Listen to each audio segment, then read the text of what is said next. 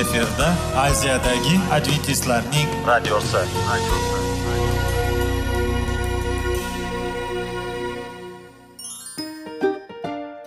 assalomu alaykum aziz radio tinglovchilar. Sog'liq daqiqasi rubrikasiga xush kelibsiz. Zero tananing sog'lom bo'lishi va uning kasalliklardan saqlash har bir insonning burchi hisoblanadi.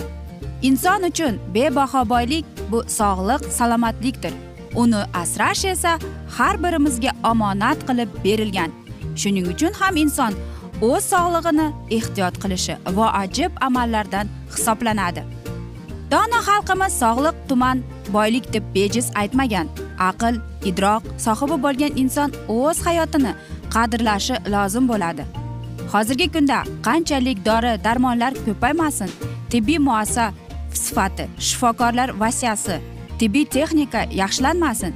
Agar insonning o'z salomatligi haqida qayg'urmasa kutilgan natijaga erishib bo'lmaydi va biz sizlarga bizning dasturimizga xush kelibsiz deymiz.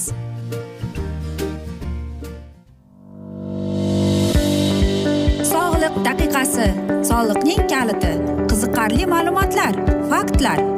Har kuni siz uchun foydali maslahatlar. Sog'liq daqiqasi rubrikasi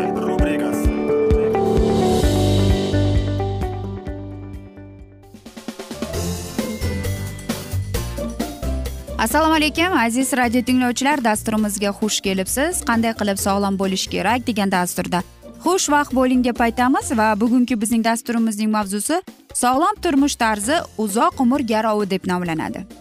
Qadim qadim zamonlardan beri insoniyat iloji boricha uzoq yashashga bunda salomatlikni va mehnat qobiliyatini saqlashga harakat qiladi. Mehnatdan qanoat qilish jismoniy harakat toza havoda bo'lish me'yorda ovqatlanish tinch xotirjam bo'lish va boshqalar odamni uzoq umr ko'rib tetik bo'lib yurishiga imkon berishni hamma biladi.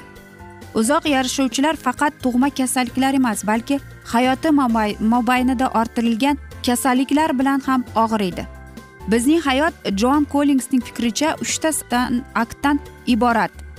Birinchi aktda e, tug'ilgandan o'ttiz yoshgacha yoshlik ikkinchi akt o'ttiz yoshdan oltmish yoshgacha bu yetuklik yoshi uchinchisi bu oltmishdan keyingisi. Teatrda eng qiziqarli uchinchi akt hayot davomida biologik jarayonlar o'zgarishni qarishga olib keladi. Galin taqiqlagandek qarilik kasallik emas balki sog'liq bilan bemorlik orasidagi holat. Ibn sino odamlarning yoshini to'rt davrga bo'lgan. O'sish yoshi o'ttiz yoshgacha bu yoshlik davri o'ttiz besh qirq yoshdan oltmish yoshgacha yetti kunlik davri. Qarilik davri esa oltmish yoshdan so'ng boshlanadigan davr hisoblanar ekan. Etnografik omillarni o'rganish bu umr ko'rish haqida bir necha gipotezlarni bayon etadilar. Mehnat ovqat va boshqalar. Qarilikda tanamiz ko'riy boshlaydi issiqlik kamayadi organizm suvsizlanadi. Qarang mana shunday uzoq umrning strategiyasi bor ekan. Uzoq jamiyatning ijtimoiy iqtisodiy qurilishiga bog'liq ijtimoiy siyosiy va iqtisodiy formatsiya shaxsga ta'sir etadi. Uning psixikasi sog'liqning holatini belgilaydi. Antik dunyoda uchta umr o'ttiz olti yosh o'rta asrda qirq yosh o'n birinchi asrda qirq sakkiz yosh yigirmanchi asrda oltmish besh yosh bo'lgan ekan. Hayot tarzida ovqatlanish xarakteri faolligi yashash hududi millati tug'ma individual xususiyatlari ta'sir etadi. Odam o'zining yurtida boshqa yurtga nisbatan uzoq yashaydi. Qishloq ahlosi shahar aholisiga besh yil uzoq umr ko'radi. E, va E, ishchi oilada tug'ilgan bolalarning o'rtacha umri oltmish uch yoshdir. O'qituvchilar oilasida yetmish uch yosh. E, zilziyolar boshqa kasblardagilarga nisbatan o'n yil ko'p yashaydilar. Psixofiziologik aspektlar. Shuni aytadiki e, bir odam ellik yoshda nisbatan yosh ko'rinadi boshqa odam shu yoshda qari ko'rinadi. Fiziologiyada barvaqt qarish degan tushuncha bor. Asosiy almashuv bu energiya sarf etishi. Tinch holatda yoshga qarab o'zgaradi. Qarilikda oksil yog' uglevod suv tuz almashuvi buziladi. Organizmdagi hujayralar atrofiyaga uchraydi. Psixofiziologik o'zgarishlar ketadi.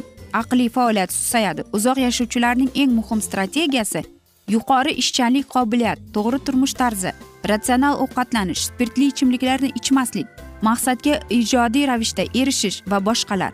Serharakat bo'lish bo'lish bu uzoq umr ko'rishda katta ahamiyatga ega. Jismoniy mashqlar yordamida jumladan ko'pchilik odamlar qarish protsessini orqaga surish mumkin deyiladi. Siz aytasizki odam necha yil umr ko'radi? Nima uchun ba'zi odamlar uzoq yashaydi?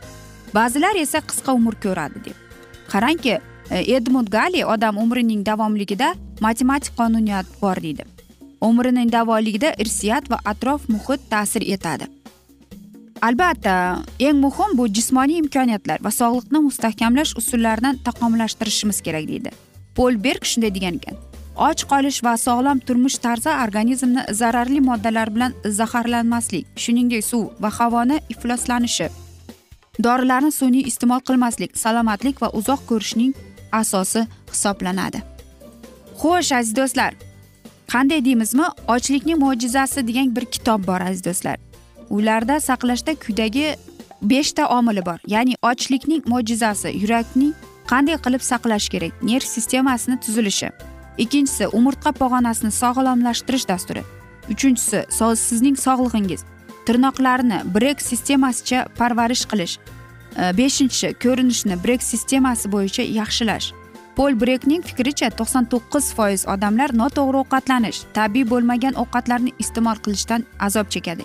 Eng muhimi to'g'ri ovqatlanish harakat faolligi shaxsiy gigiyena psixik emotsional holatini boshqara bilish. Odam o'zini ekologik muammolardan himoya qilish bilishlari kerak. Bundan tashqari zararli odatlardan saqlanish dorilarni ko'p ichmaslik salomatlikni saqlashda katta ahamiyatga ega. Xo'sh aziz do'stlar mana oddiy va qarang.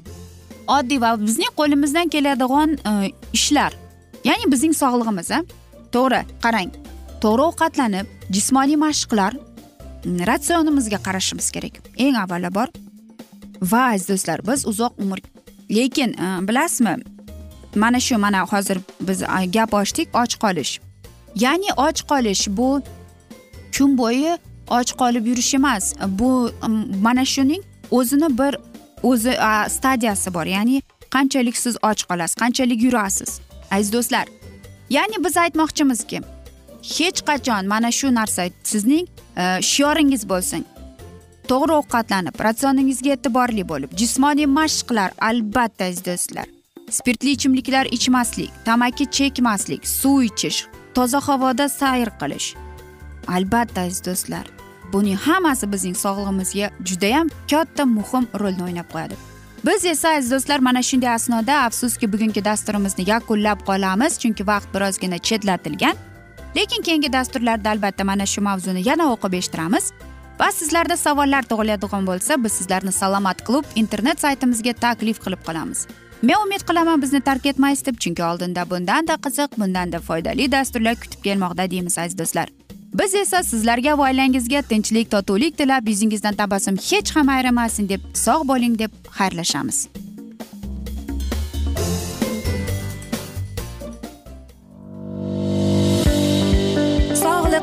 Daqiqasi soliqning kaliti qiziqarli ma'lumotlar faktlar. Har kuni siz uchun foydali maslahatlar. Sog'liq daqiqasi rubrikasi.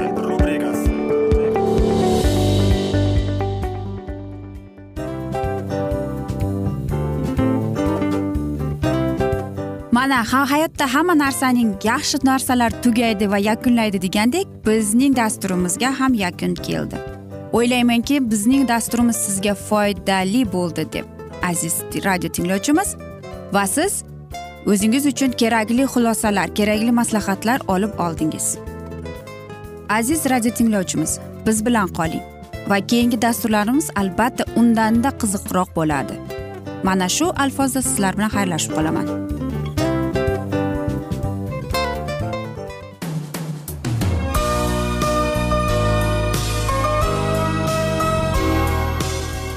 Efirda aziyadagi adventistlarning radiosi.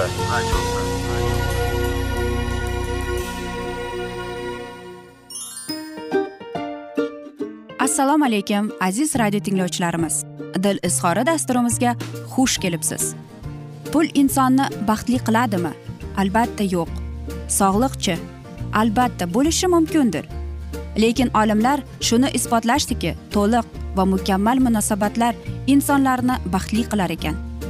Albatta biz hayot davomida biz yaqin insonlar bilan odamlar bilan aloqada bo'lamiz va ular bilan munosabatlarimiz qanday kechadi qanday tuziladi? Yigit va qiz er va xotin ota ona va farzandlar va yaqin insonlar bilan. Balkim hozirgi vaqtda kimnidir hayoti yoki munosabatlari buzilyapti. Va bizning dasturlarimiz ularga yordam bo'ladi deb. Va oldinda sizlarni qiziqarli intervyular va mavzular kutyapti va biz umid qilamizki siz biz bilan qolasiz deb.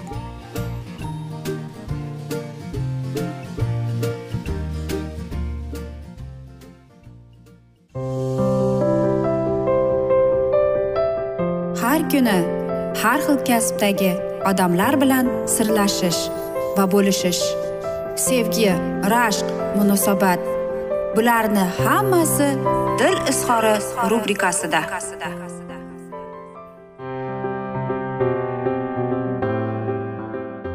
Assalomu alaykum aziz radio tinglovchilar dasturimizga xush kelibsiz va biz sizlar bilan topish va ushlab qolish degan dasturda xushvaqt bo'ling deb aytamiz va bizning bugungi dasturimizning mavzusi ayolingizni maqtang deb ataladi xo'sh aziz erkaklarimizga mana shunday savol bor. Ayolingizni qachon oxirgi marta maqtagansiz? Albatta balkim uning mehnatni sizning ko'zingizga ko'rinmayotgandir. Lekin ayol kishi ovqat qiladi sizni ishga kuzatadi bolalaringizni qaraydi va mana shunday narsalar bilan. Hattoki mayda narsaga ham ayolingizdan minnatdor bo'lishingiz kerak ekan va albatta uni maqtab turishingiz kerak ekan. Lekin aytmoqchimanki nafaqat ayolni ayol ham o'zining turmush o'rtog'ini maqtab turishi kerak ekan. Shuning uchun ham bilasizmi maqtovga nafaqat erkaklar ayollar ham muhim ularga kerak ekan. Va aytamizki men doimo maqtab turaman deb. Lekin aslida esa biz maqtamaymiz to'g'rimi aziz do'stlar.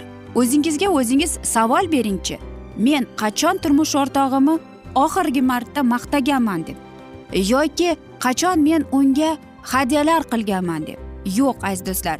Masalan hadya deganimizda biz katta sovg'ani nazarda tutmayapmiz. Oddiy kichkina narsa ham ayolingiz uchun judayam baxt keltiradi. Ya'ni unga quvonch keltiradi mana shunday narsa.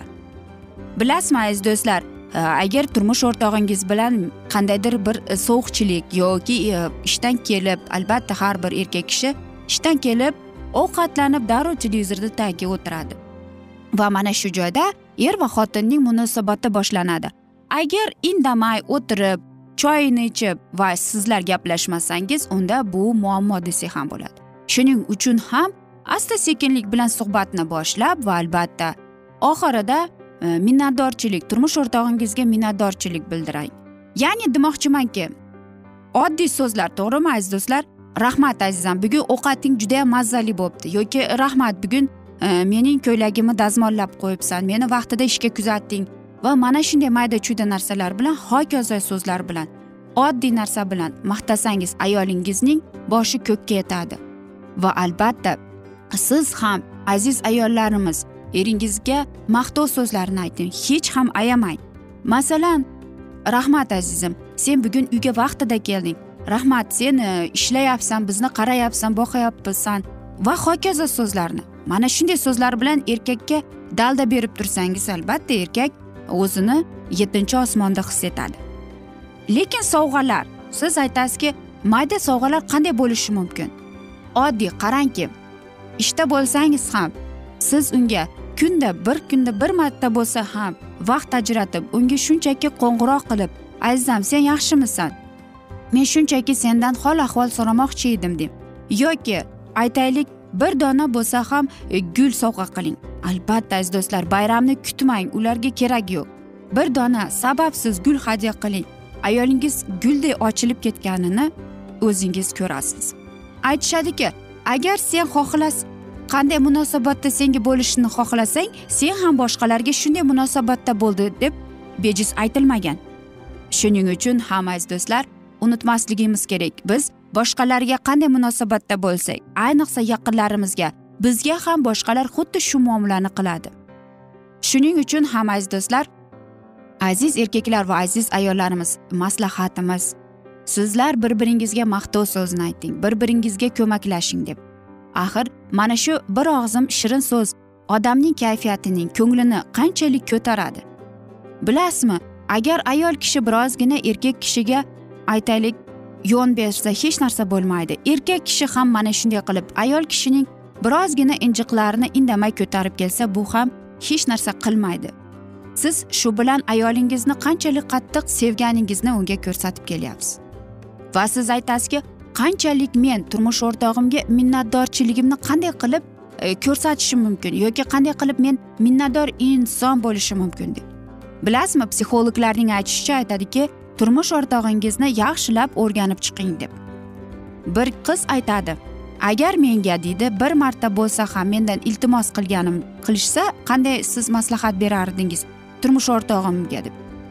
U aytardi turmush o'rtog'ingni yaxshilab o'rgangin e, masalan qiziqqin unga nima yoqadi? Uning kuchli tomonini uning kuchsiz tomonlarini o'rganding. Unga qanday taomlar qanday kiyinishlar qanday so'zlar va mana shunday mayda narsalarni o'rganib turmush o'rtog'ingizni o'rganganingizdan keyin sizlar umumiy til topib va albatta suhbatga mavzu topiladi. Albatta agar siz turmush o'rtog'ingizning kayfiyati yo'q bo'lsa uning ko'tarishga harakat qilib ko'ring va qarangki uni sezish kerak ayol kishi sezish kerak. E, uning turmush o'rtog'i yomon kayfiyatda kelsa ham yoki yaxshi kayfiyatda bo'lsa uni buzmasdan mana shunday narsalarni albatta qo'llab quvvatlash kerak bilasizmi mana shunday ajrashuv protsesslar bo'lganda ko'p juftliklar aytibdi. Ular xohlamagan ekan mana shu munosabatlarga chuqurlashib bir birini o'rganishga deb. Va albatta ular umuman qo'lidan kelmagan. Shuning uchun ham aziz do'stlar nima bo'lganda ham bir biringizga qadam tashlang bir biringizni o'rganing va shundagina sizlar o'rtangizdagi mana shunday munosabatni mustahkam qilasiz. Albatta bu o'rtada sevgi bo'lsa. Agar siz bir biringizni sevsangiz bir biringizni hurmat qilsangiz bu narsalar bo'ladi albatta. Biz esa aziz do'stlar mana shunday asnoda afsuski bugungi dasturimizni yakunlab qolamiz chunki vaqt birozgina chetlatilgan. Lekin keyingi dasturlarda albatta mana shunday mavzuni yana o'qib eshittiramiz. Men umid qilamanki bizni tark etmaysiz deb chunki oldinda bundanda qiziq va foydali dasturlar kutib kelmoqda deymiz aziz do'stlar. Biz esa sizlarga va oilangizga albatta tinchlik totuvlik baxt saodat tilagan holda yuzingizdan tabassum hech ham ayrimasin deymiz aziz do'stlar. Va albatta seving seviling deb xayrlashib qolamiz.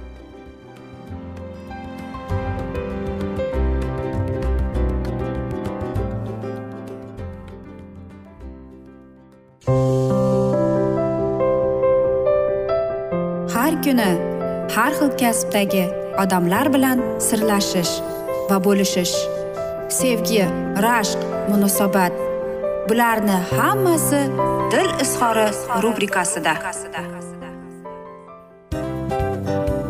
Mana aziz radio tinglovchimiz bizning go'zal va foydali va chiroyli dasturimiz yakunlanib bormoqda. Sizlarga birozgina maslahat berib o'tmoqchi edik. Bir biringizni seving. Qadringizga yeting.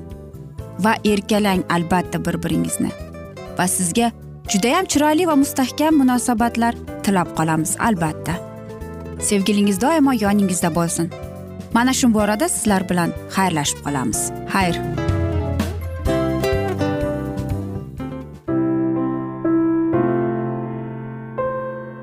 Hayotning noni. Qiziqtirgan savollar va javoblar. Buning hammasi ko'ngil uchun oziqa rubrikasida.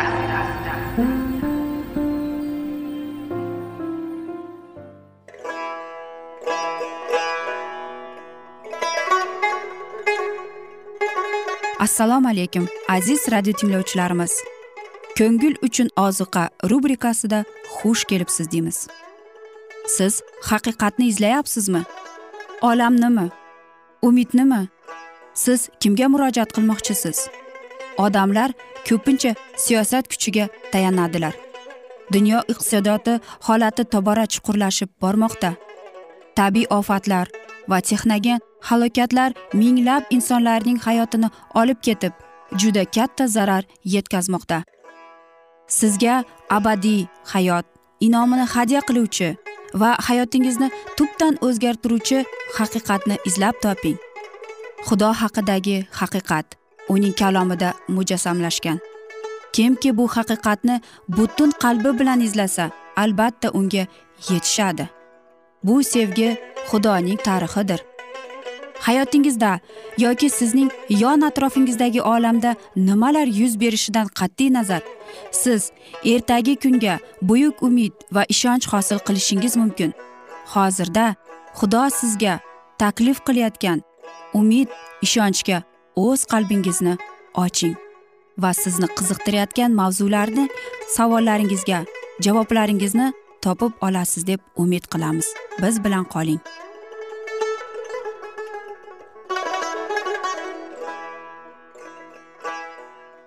Assalomu alaykum aziz radio tinglovchilar. Dasturimizga xush kelibsiz va biz sizlar bilan ulug' otalar va payg'ambarlar degan kitobni o'qib eshittirishni boshlagan edik va bugungi bizning dasturimizning mavzusi bu sadumning xarob bo'lishi. Bu ibtido kitobining o'n to'qqizinchi bobiga asoslangan yordan uvaydasining shaharlari ichida eng go'zal sadum shahari edi. Tekislikda joylashgan juda sersuv va ko'rkam bamisoli xudovandning jannatida edi. Bu yerda tropik o'simliklar gullab yashnardi va bu yer xurmo zaytun daraxtlarining uzumzorlar vatani edi. Ajoyib gullarning xush islari yil bo'yi havoda tarqalib lazzatlanar dalalar mol hosil berar. Tepaliklarda chorva mollarning sanoqsiz podalari san'at va savdo sodiq bu mag'rur shaharning boyishiga yo'l ochardi. Sharqdan keltirilgan xazinalar saroylarni bezatardi. Sahro karvonlari shahar bozorlariga har turli qimmatli mollarni yetkazib turardilar. Har qanday ehtiyoj osonlikcha mehnat qilmay qondirilardi va butun hayot hech qachon o'tib bitmas bayramga o'xshardi. Ommaviy mo'lchilik esa boylikni va mag'rurlikni tug'dirar edi bekorchilik va boylik muhtojlik va qayg'u bilmagan odamlarning yuraklarini tosh qilardi. Faqat huzur halovatli hayotni sevib qolgan xalq haddan tashqari hislatli lazzatlarga berilib ketdi. Mana deydi payg'ambar sening singling sadumning va uning bolalarining ko'ngilsizligi nimada edi mag'rurlikda boylikdan nafsi buzilganlikda bekorchilikda u bechora va kambag'alning qo'lida madad bermasdi. Kekkayib ketdilar va ko'z o'ngimda iflosliklar qilardilar. Men shuni ko'rib ularni tark etdim. Odamlar o'z hayotlarida faqat boylikni va g'amxo'rsiz yashashni yaxshi istaydi. Shu sababdan ular gunohlarga va shaharlarning vayron bo'lishiga yo'liqadilar. Mazmunsiz bekorchilik hayot ularning shayton vasvasalarining qurboni qildi. Ular ilohiy siymonni yo'qotib shaytonga ko'proq o'xshaydigan bo'ldilar. Bekorchilik inson uchun eng katta la'natlardandir. Nuqson va jinoyatlar uning samarasi. Bekorchilik aqlni ojizlantiradi hayot tarzining tushunchalarini buzadi izzati nafsdan mahrum qiladi. Shayton o'z o'ljasini poylaydi va beparvo bo'lgan jonlarini nobud qilishga tayyor turadi. Odam bekor hayot kechirganida esa shayton vasvasalariga tez beriladi. Bekorchilikda yashaganlarga yaqinlashganida shayton tezda muvaffaqiyatga erishadi. Sadumda xursandchilik hukmron edi. Har qanday tantanali marosimlar o'rin topgandi. Behayo ehtiroslarga to'sqinlik qilinmasdi. Odamlar xudoga va uning qonuniga ochiq ravishda qarshi chiqib zo'ravonlikda eng katta lazzat topardilar.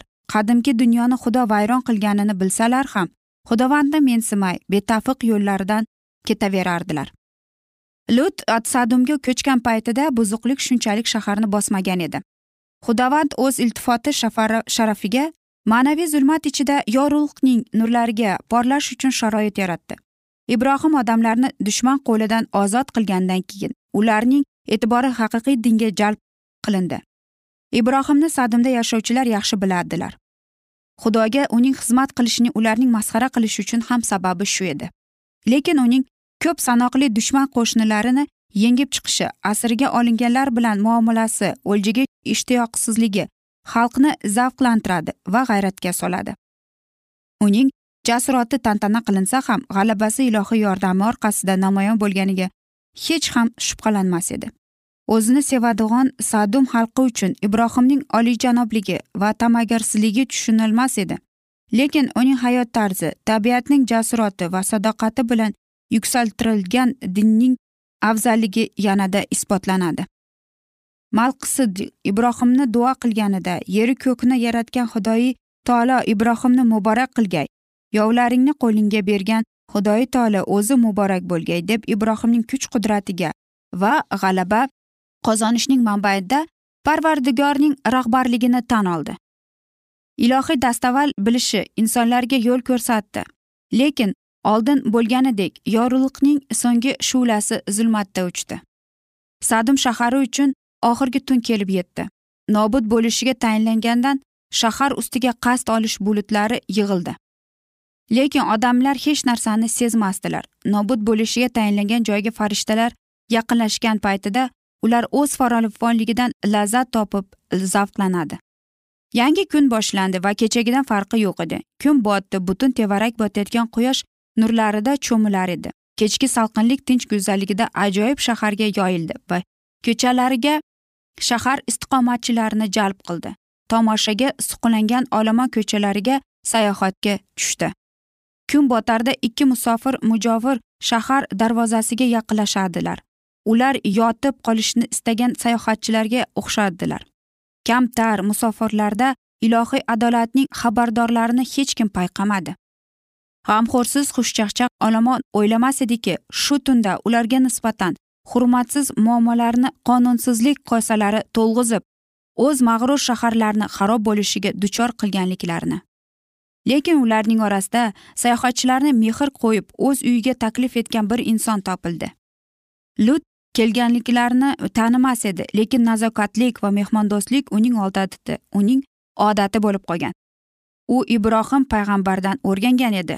Agar lut o'zida muloyimlik xarob bo'lishi muloyimlik ruhini tarbiyalamaganda u sadom istiqomatchilari bilan xarob bo'lishi mumkin edi. Ko'pgina oilalar musofirlar uchun o'z eshiklarini ochib yopganda ularga barakat umid va tinchlik olib keladigan ilohiy elchilari oldida eshiklarni yopadilar. Mana shunday asnoda aziz do'stlar bugungi dasturimizni yakunlab qolamiz chunki vaqt birozgina chetlatilgan. Lekin keyingi dasturlarda albatta mana shu mavzuni yana o'qib eshittiramiz. Va sizlarda savollar tug'ilgan bo'lsa biz sizlarni adventis tochka ru internet saytimizga taklif qilib qolamiz. Umid qilamizki bizni tark etmaysiz deb chunki oldinda bundanda qiziq va foydali dasturlar kutib kelmoqda. Biz esa sizlarga tinchlik totuvlik tilab xayrlashib qolamiz.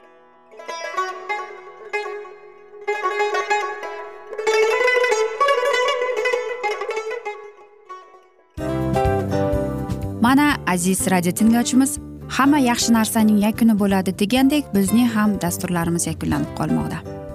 Aziz do'stlar o'ylaymanki bizning dasturlarimiz sizlar uchun judayam foydali bo'ldi deb bizning dasturlarimizdan siz o'zingizga foydali va judayam kerakli maslahatlar oldingiz deb. Masalan sog'liq borasida biz sizlarga sog'liq tilaymiz albatta lekin bizning maslahatlarimizga ham amal qilishga unutmang. Munosabatlarga kelganda bu munosabatlar chuqur va yaxshi bo'lishi uchun uni ustidan ishlash kerak albatta. Diniy masalaga kelsak aziz do'stlar bu judayam jiddiy va chuqur nazarni talab qiladi. Ammo biz sizlar bilan xayrlashib qolmaymiz keyingi dasturlarda eshittirishimizni davom ettiramiz va sizlar bilan mana shu yaxshi kayfiyatda xayrlashib qolamiz. Va keyingi dasturlarda ko'rishguncha xayr!